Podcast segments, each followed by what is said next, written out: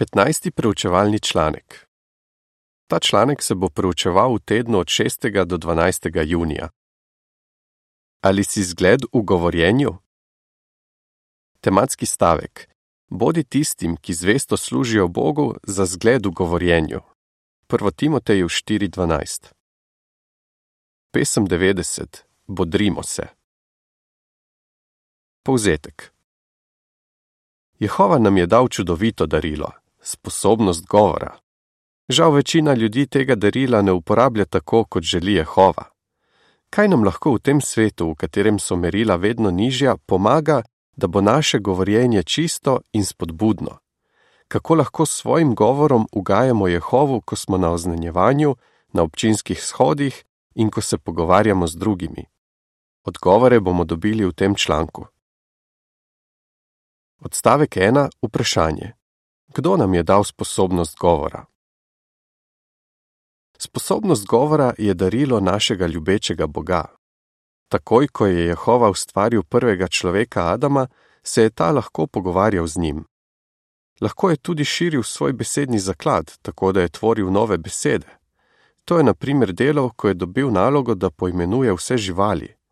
In kako zelo navdušen je bil, ko se je lahko prvič pogovarjal z drugim človekom, svojo prelepo ženo Evo. Odstavek 2. Vprašanje. Kako se sposobnost govora že dolgo zlorablja? Sposobnost govora se je kmalo začela zlorabljati. Satan hudič je lagal Evi in zaradi te laži so ljudje postali grešni in nepopolni. Adam je svoj jezik uporabil slabe namene, ko je za svoje napake krivil Evo in celo Jehova. Kajn je lagal Jehovu, potem ko je ubil svojega brata Abela.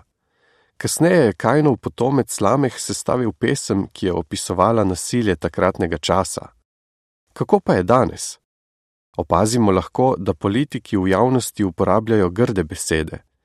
Poleg tega težko najdemo kakšen film, v katerem ni nobenega prstaškega govorjenja. Učenci poslušajo preklinjanje v šolah in odrasli na delovnem mestu. To, da je grdo govorjenje danes tako razširjeno, je samo dokaz, kako slab je postal ta svet. Odstavek 3. Vprašanje. Katere nevarnosti se moramo zavedati in kaj bomo pogledali v tem članku? Če nismo pazljivi, se lahko tako navadimo na grdo govorjenje, ki ga slišimo, da ga začnemo tudi sami uporabljati. Seveda želimo kot kristijani ugajati Jehovu, zato ni dovolj, da se samo ogibamo takšnega govorjenja.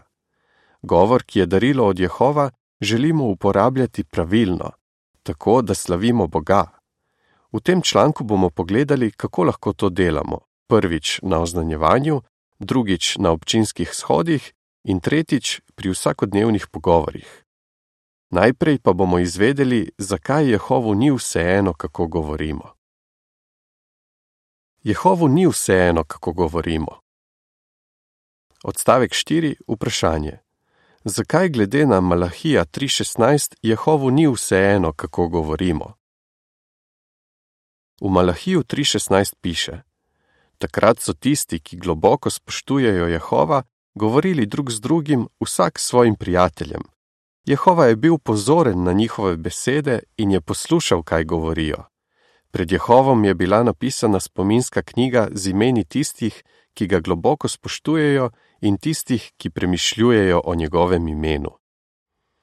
Kaj misliš, zakaj bo Jehova v svojo spominsko knjigo zapisal imena tistih, ki s svojim govorjenjem kažejo, da ga globoko spoštujejo in da premišljujejo o njegovem imenu? Naše govorjenje odkrije, kaj imamo v srcu. Jezus je rekel: Usta govorijo to, česar je srce polno. Matej 12:34. Iz naših besed se vidi, koliko imamo radi Jehova. In on želi, da bi tisti, ki ga ljubijo, večno živeli v novem svetu. Odstavek 5. Vprašanje A. Kako je naše češčenje povezano s tem, kako govorimo? Vprašanje B. Česa se moramo zavedati glede našega govorjenja, kot pokaže slika? Svojim načinom govorjenja vplivamo na to, ali bo Jehova sprejel naše češčenje. Nekateri, ki nimajo radi Boga, govorijo z jezo, neprijazno in ponosno. prav gotovo jih ne želimo posnemati. Prizadevamo si, da naše govorjenje ugaja Jehovu. Toda ali bi bil Jehova zadovoljen, če bi bilo naše govorjenje na občinskih shodih ali na oznanjevanju prijazno, doma med štirimi stenami pa bi z družinskimi člani govorili neljubeče? Sledi opis slike, ki je povezana z odstavkoma 4 in 5. Brat neprijazno odgovarja jeznemu stanovalcu. Brat zdolgočaseno poje na občinskem shodu. Sestra sodeluje pri širjenju škodljivih govoric. V pripisu k sliki piše: Kaj tvoje govorjenje odkriva o tem, kaj imaš v srcu? Odstavek 6. Vprašanje: Kaj dobrega je dosegla Kimberly s svojim lepim govorjenjem? Ko svojo sposobnost govora uporabljamo pravilno, drugim pokažemo, da služimo Jehovu. Tako lahko jasno vidijo razliko med človekom, ki služi Bogu, in človekom, ki mu ne služi. Malahija 3:18. Razmisli, kako se je to izkazalo za resnično v primeru sestre Kimberly. V srednji šoli sta sošolko sodelovali pri nekem projektu. Sošolka je opazila, da je Kimberly drugačna od drugih učencev. Nikogar ni kritizirala za hrbtom, govorila je prijazno in ni preklinjala. Sošolko je to pritegnilo in Kimberly je kasneje z njo preučevala sveto pismo. Jehova je zelo vesel, ko s svojim načinom govorjenja pritegnemo ljudi k resnici.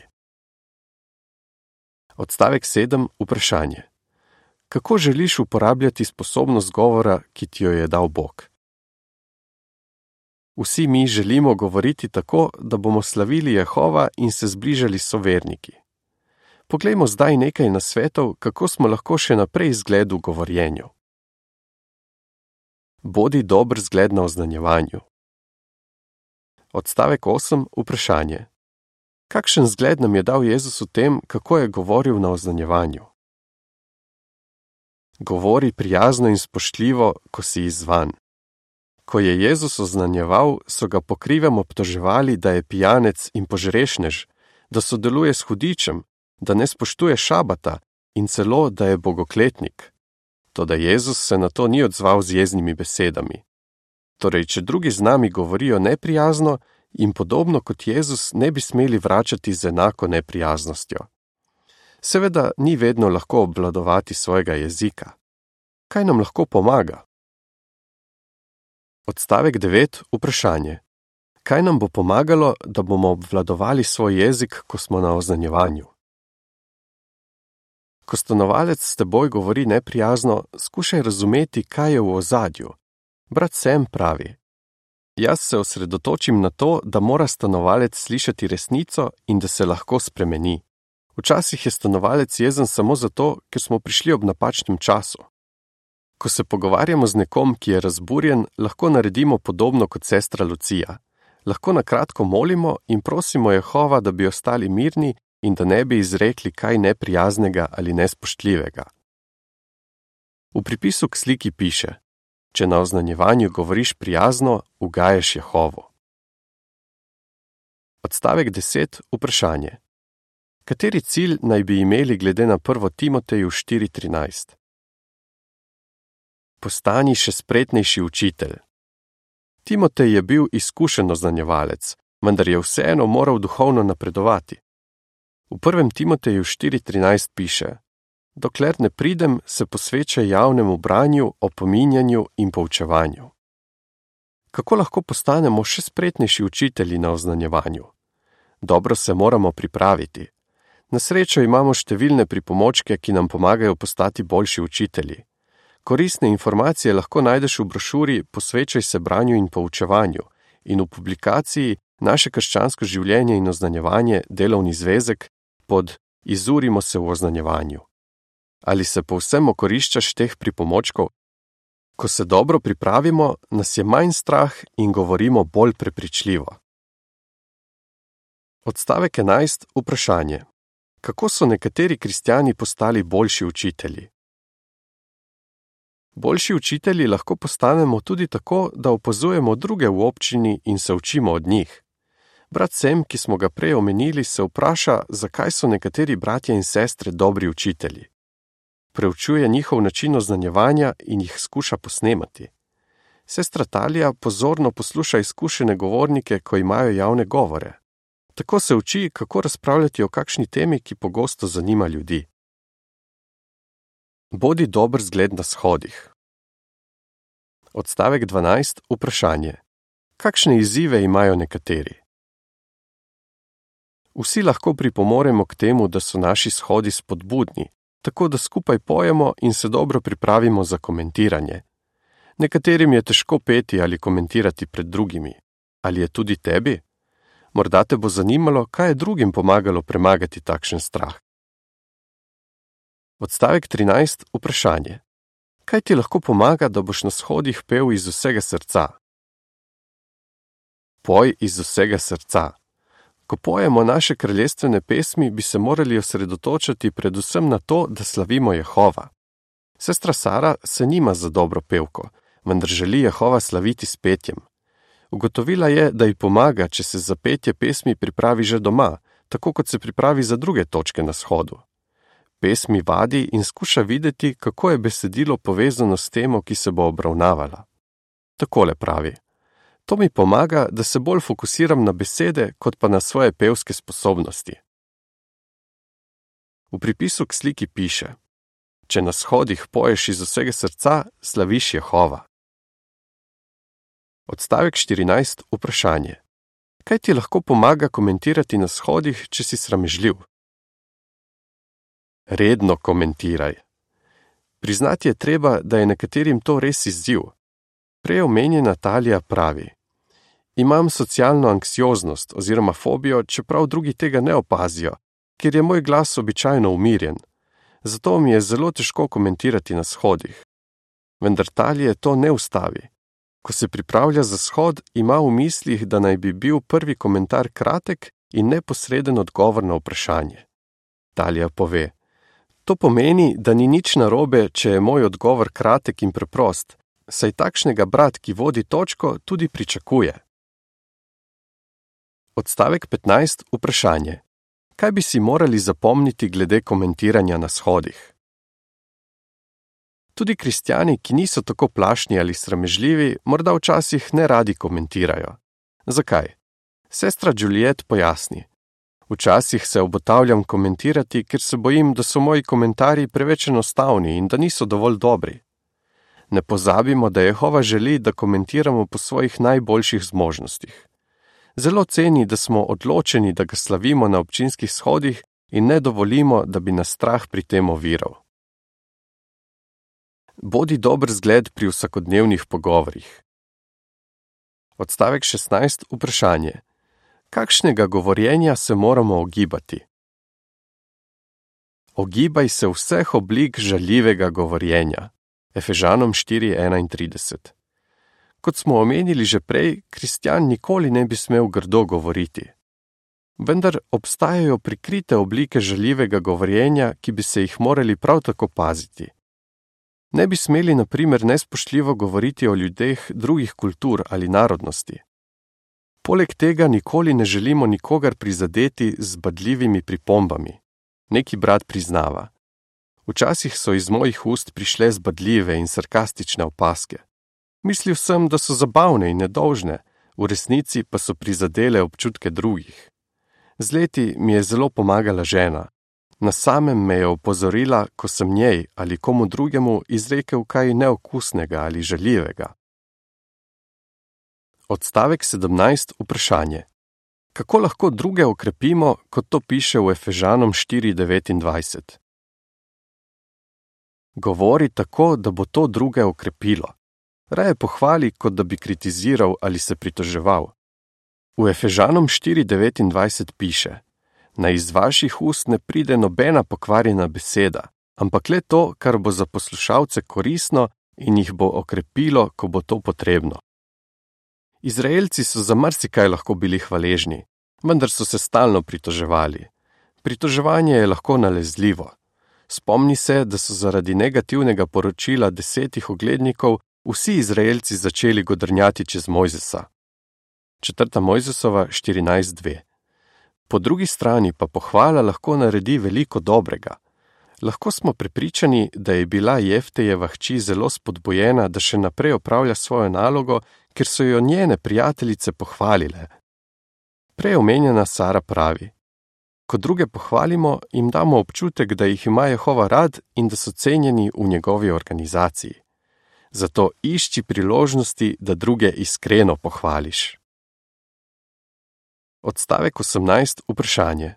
Zakaj moramo govoriti resnico, kot to piše v Psalmu 15, 1 in 2, in kaj to zajema? Govori resnico. Če ne govorimo resnice, ne moremo ugajati Jehovo. On sovraži vse oblike laži. Čeprav mnogi ljudje danes menijo, da je laganje nekaj normalnega, mi upoštevamo Jehovovo stališče. V Psalmu 15, 1 in 2 piše: O Jehova, kdo sme biti gost v tvojem šotoru, kdo sme prebivati na tvoji sveti gori? Ta, ki mu ni kaj očitati, ki dela to, kar je prav in ki v svojem srcu govori resnico.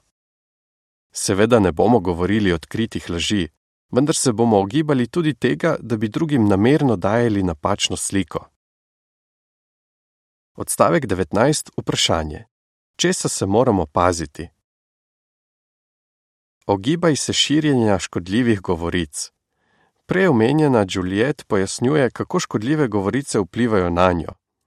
Če poslušam nekoga, ki opravlja, me to ne spodbuja in izgubim zaupanje v takšnega človeka. Kako sem lahko prepričana, da ne bo naslednjič opravljal mene pred kom drugim? Če vidiš, da se pogovor spreminja v opravljanje, ga preusmeri v kaj pozitivnega. V pripisu k sliki piše: Če negativen pogovor preusmeriš v pozitivnega, ugajaš Jehovu. Odstavek 20. Vprašanje: Kako si odločen uporabljati svojo sposobnost govora? Ker živimo v svetu, v katerem je grdo govorjenje vse bolj razširjeno, se moramo zelo truditi, da bi naše besede ugajale Jehovu. Ne pozabi, da je sposobnost govora darilo od Jehova in da mu ni vseeno, kako ga uporabljaš. Če se boš iskreno trudil, da boš lepo govoril na oznanjevanju, na shodih in pri vsakodnevnih pogovorjih, te bo blagoslovil. Ko tega brezbožnega sveta ne bo več, nam bo veliko lažje slaviti Jehova s svojimi usnicami. Do takrat pa bodi odločen, da boš slavil Jehova z besedami svojih ust. Kako smo lahko dober zgled v govorjenju, na oznanjevanju, na shodih, pri vsakodnevnih pogovorjih? Pesem 121: Vedno želim se obvladati. Konec članka.